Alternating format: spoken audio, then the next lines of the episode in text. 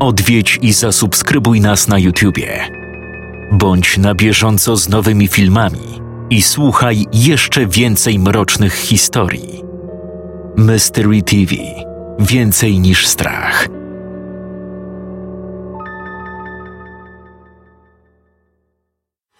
Creepy Wyzwanie. Dziewiąta edycja. Do walki stanęło 16 autorów, którzy zostali podzieleni na cztery grupy. Spośród zaproponowanych w lutym na Facebooku tematów, każdy wybrał jeden, na podstawie którego napisał własną, straszną historię. W tym miesiącu prezentujemy opowiadania z grupy B. Zapraszam do wysłuchania opowiadania Marka Łukaszewicza na podstawie pomysłu Filipa Andryszaka.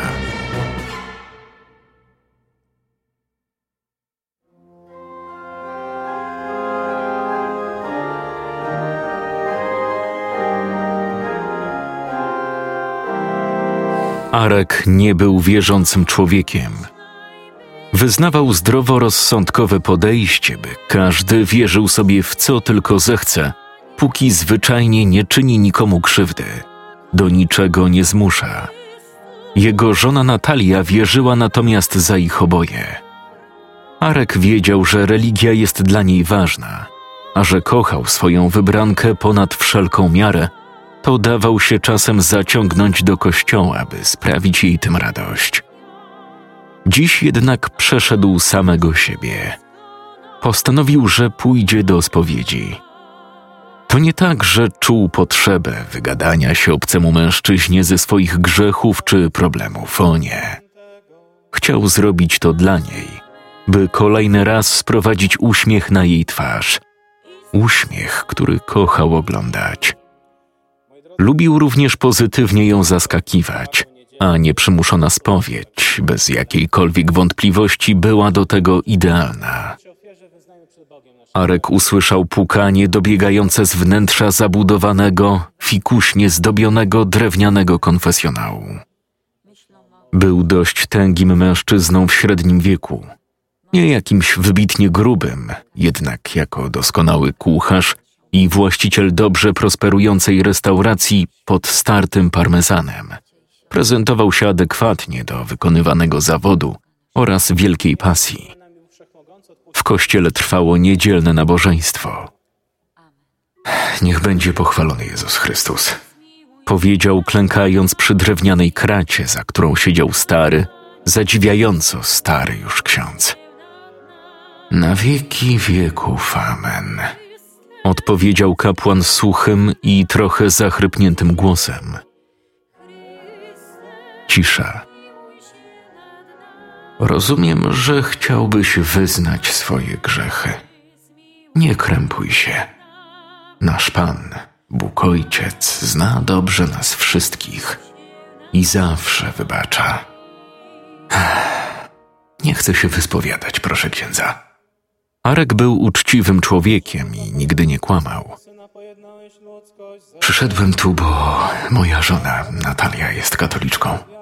Zrobiłem to dla niej. Chciałem, by była szczęśliwa. A co do grzechów, hmm, sam nie wiem. Nic nie przychodzi mi do głowy. Jestem raczej dobrym człowiekiem. Synu mój. Sama nawet myśl, że nie jesteś grzesznikiem, właśnie cię nim czyni. Hm. No dobrze. Więc um, kłóciłem się z ludźmi, może byłem niedobry dla żony. Kłamiesz. Słucham? Kłamiesz. Wcale nie kłóciłeś się z ludźmi i nie byłeś niedobry dla żony. Kłamiesz i to podczas spowiedzi. To karygodne.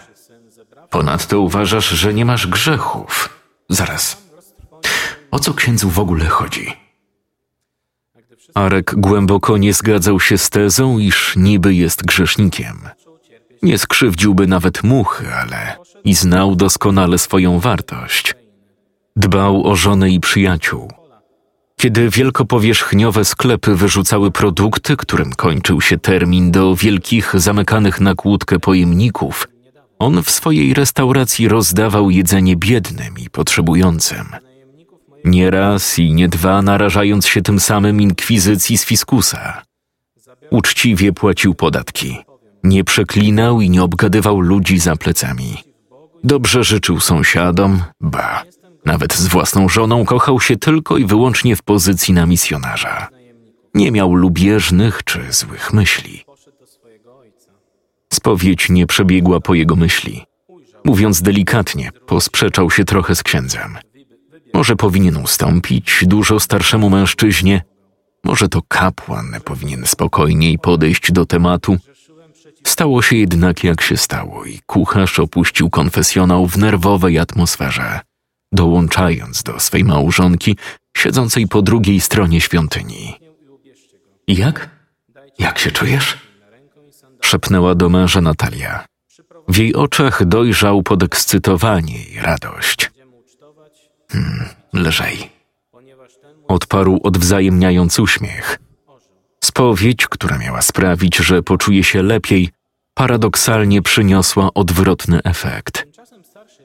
W tym samym czasie sędziwy już kapłan o łysej głowie i twarzy pociętej głębokimi zmarszczkami lustrował mężczyznę z wnętrza konfesjonału. Był starym, bardzo starym człowiekiem, który już dawno powinien przejść na kapłańską emeryturę. Czasem tak jednak bywa, że wiekowi ludzie, kiedy kostucha zbliża się powoli po ich duszę, dziwaczeją. I spowiednik Tymoteusz zdziwaczał na stare lata, jak się patrzy. A że nigdy, nawet za młodu, nie był do końca normalny, przynosiło to parafii świętego Piotra same problemy.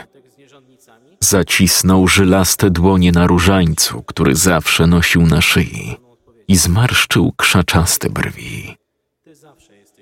Będę się za ciebie modlił, grzeszny człowieku, byś zrozumiał, że grzech wypalony został na naszych duszach już dawno, dawno temu. Będę się modlił.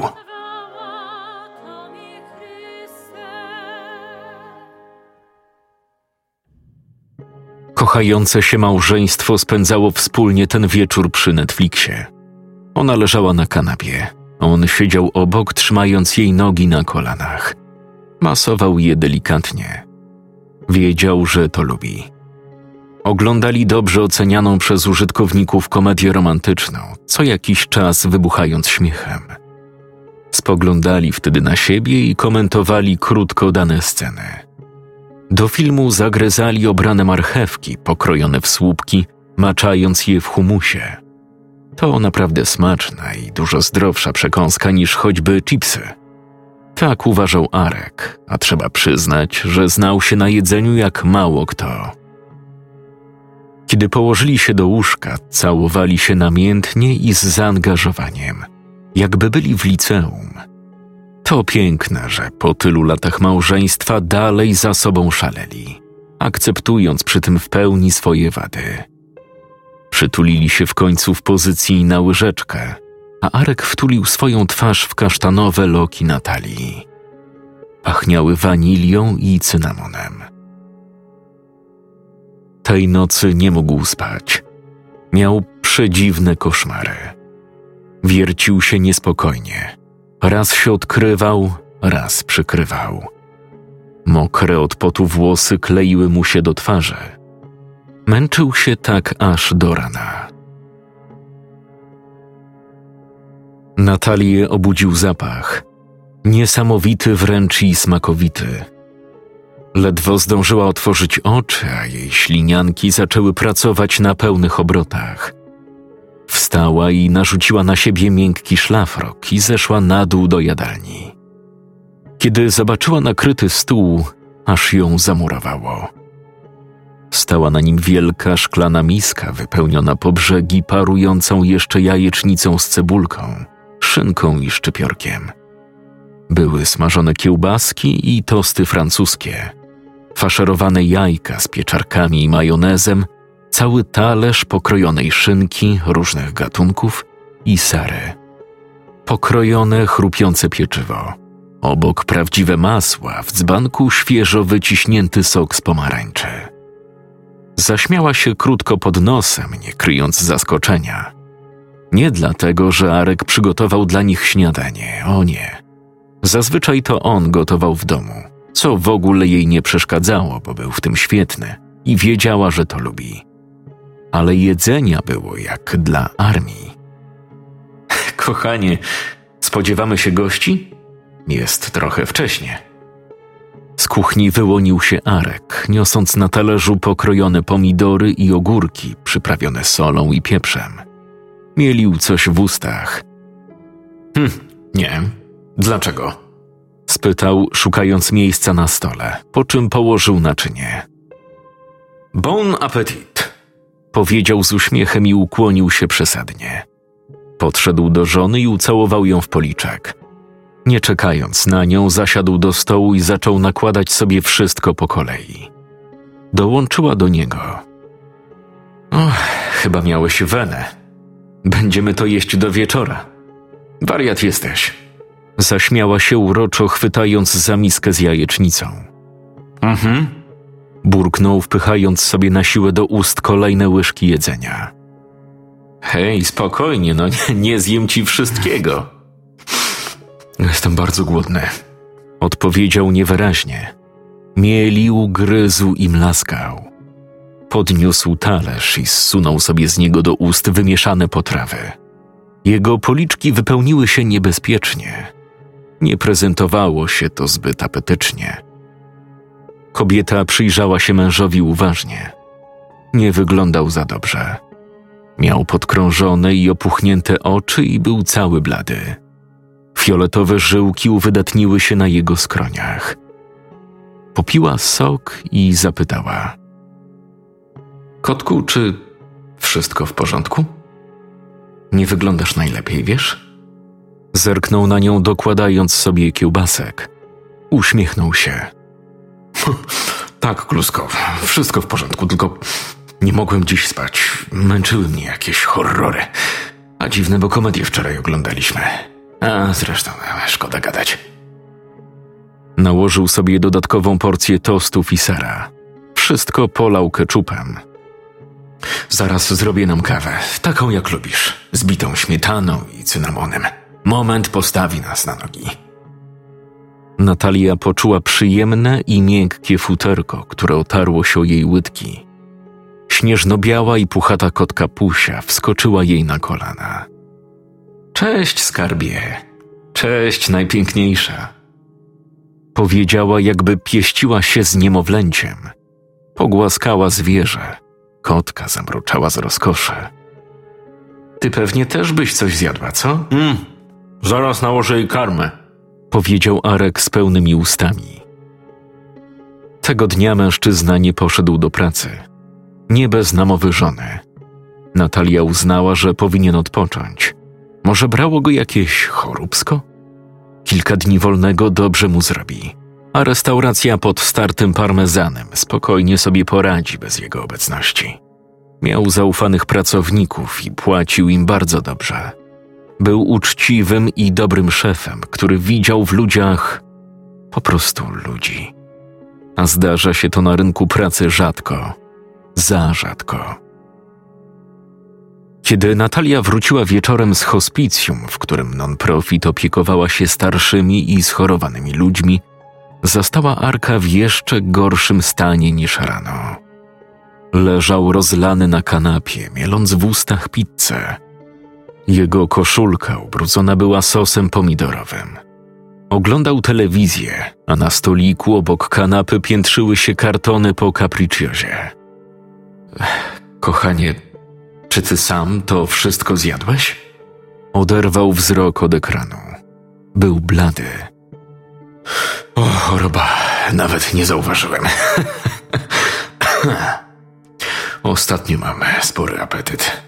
Nie wiem, może to stres? Albo tasiemiec? Natalia się nie zaśmiała. Tego poranka nie obudził jej smakowity zapach potraw, lecz od razu spostrzegła, że jej męża nie ma w łóżku. Była w pokoju sama. Okryła się szlafrokiem i zeszła na dół. Stół był pusty, ale usłyszała jakieś odgłosy dobiegające z kuchni. Przekroczyła jej próg i wtedy go ujrzała. Stał odwrócony do niej plecami, przy blacie koło otwartej lodówki i nie jadł. On dosłownie pochłaniał jedzenie, chyba nawet nie do końca je gryząc.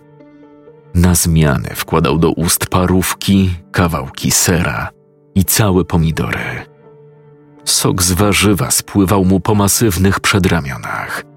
Zagryzał to maślanymi bułeczkami, a obok, koło noży kuchennych, stał otwarty słoik majonezu z łyżką w środku. Arkadiusz.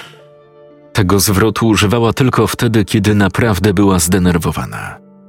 Mężczyzna zamarł. Przestał na chwilę mlaskać. Odwrócił się do żony, a taż zakryła usta dłonią. Skóra Arka była szara, włosy potargane we wszystkich kierunkach, a wzrok te pełne szczęścia, pasji i energii spojrzenie było teraz puste. Intensywnie brązowe niegdyś oczy zdawały się okryte siwą mgiełką. Podbiegła do męża, obejmując jego twarz. Zdawał się być zauważalnie grubszy, jakby w ciągu dwóch dni przytył z piętnaście kilo. Skarbie, co ci jest? Wyglądasz okropnie i co ty w ogóle wyprawiasz z tym jedzeniem? Chyba. Chyba jestem chory. Jestem bardzo głodny, ale to pewnie przez. Dosyć. Dzwonię po doktora Zawiszę. Rodzinny lekarz nie stwierdził niczego konkretnego. Zalecił odpoczynek, spokojne spacery na świeżym powietrzu oraz przepisał krople na żołądek i trawienie. Poprosił o bezzwłoczny kontakt, jeśli stan Arka by się pogorszył. Kiedy Natalia wróciła po ciężkim dniu do domu, odetchnęła z ulgą. Arek spał głęboko w ich sypialni. W dalszym ciągu wyglądał słabo i strasznie chrapał. Uznała jednak, że sen jest dobrą oznaką i nie budziła męża. Cholera. Zdawał się jeszcze grubszy niż rano. Zorientowała się również, że od wczoraj nie widziała nigdzie ich uroczej kotki Pusi. Dziwne. Miała nadzieję, że nie uciekła, tylko gdzieś się zaszyła. Czasem się to zdarzało. Z głębokiego snu wyrwał ją jakiś hałas dobiegający z dołu. Był środek nocy. Odwróciła się na bok i spostrzegła, że jej męża nie ma w łóżku. Zaniepokojona wstała i po cichu jak myszka zeszła na dół. Jeszcze zanim przekroczyła próg kuchni, spostrzegła blade światło otwartej lodówki, które słabo oświetlało pomieszczenie. Stanęła jak wryta. Przed lodówką siedział Arek, okrągły jak Bela. Tłustymi łapskami wpychał sobie do ust zamrożone mięso. Krew lała mu się po brodzie i szyi, brudząc napiętą do granic możliwości koszulkę. Kilka wyłamanych zębów leżało na podłodze, a on jadł, mlaskał i wsysał się w mrożonkę. Szok minął i kobieta podbiegła i przyklękła przy mężu. Arek, Aruś, co ty najlepszego wyprawiasz? Spojrzał na nią pustym wzrokiem. Oczy miał pokryte bielmem. Gapił się na nią przez chwilę. Nie odpowiedział. Nagle chwycił żonę za szyję i zwalił się na nią. Gęsta ślina wymieszana z krwią chlapała na jej twarz, kiedy ją dusił. Żyła na jej czole nabrzmiała niczym gąsienica. Chciała krzyczeć, wzywać pomocy, lecz nie mogła. Próbowała go odepchnąć, szamotała się, uderzając rękami w barki. Bezskutecznie. Przestań. Proszę. Nagle mężczyzna zwolnił uścisk. Jego serce zabiło mocniej i jakby odnalazł w sobie resztki człowieczeństwa. Przypomniał sobie. Przypomniał. Przecież to jego żona Przecież to Natalia do cholery. Co ty wyprawiasz? Rzucił się w tył, ciężko dysząc. Uciekaj. Uciekaj, bo. Ja nie mogę.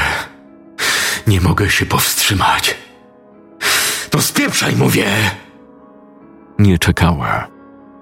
Wystrzał adrenaliny targnął ją na nogi i puściła się pędem w stronę drzwi. Na korytarzu potknęła się o dywan i upadła.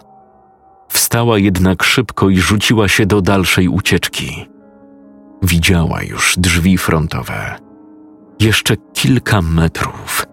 Jeszcze tylko kilka metrów.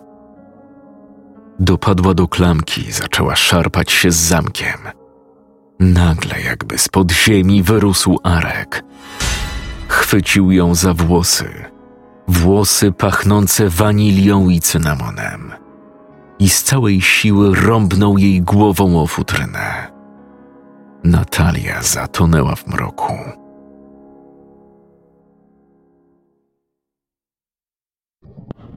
Sąsiedzi nie od razu wezwali policję, bo czy hałas dobiegający z sąsiedniego domu w środku nocy od razu musi oznaczać coś złego?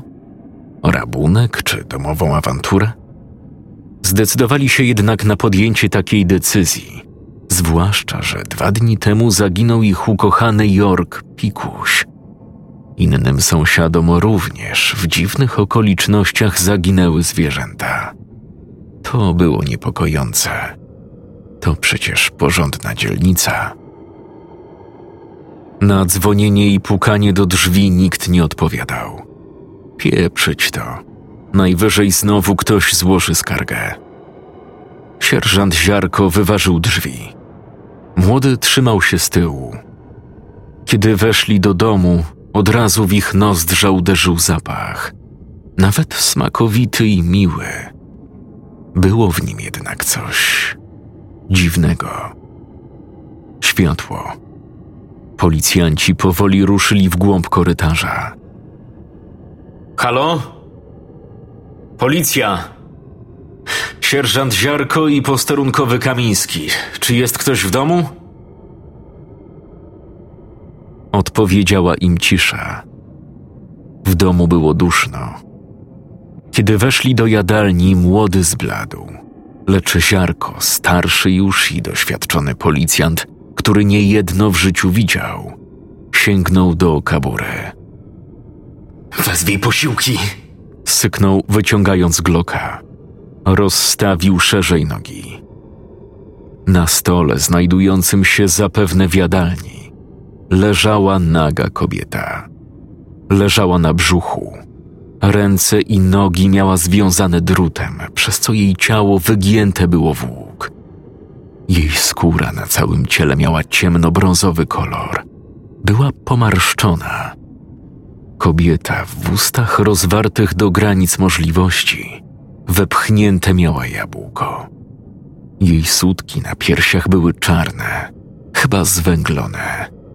Na głowie prawie nie miała włosów.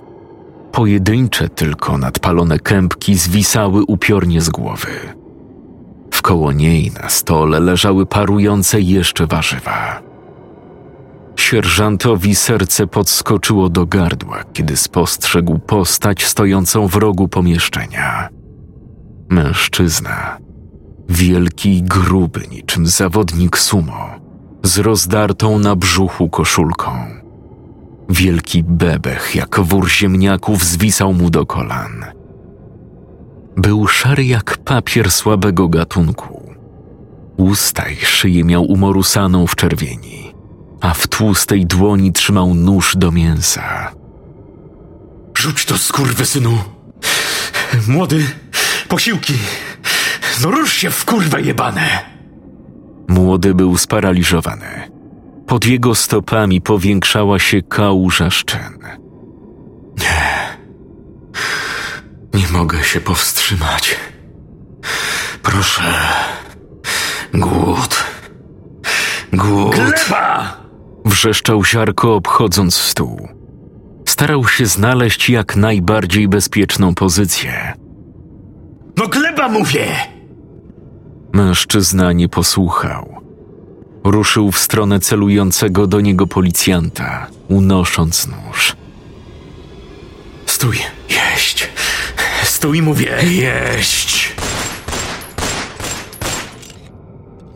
Głowa Arka wybuchła niczym mydlana bańka, ochlapując ściany i sufit gęstą, ciemno-czerwoną cieczą.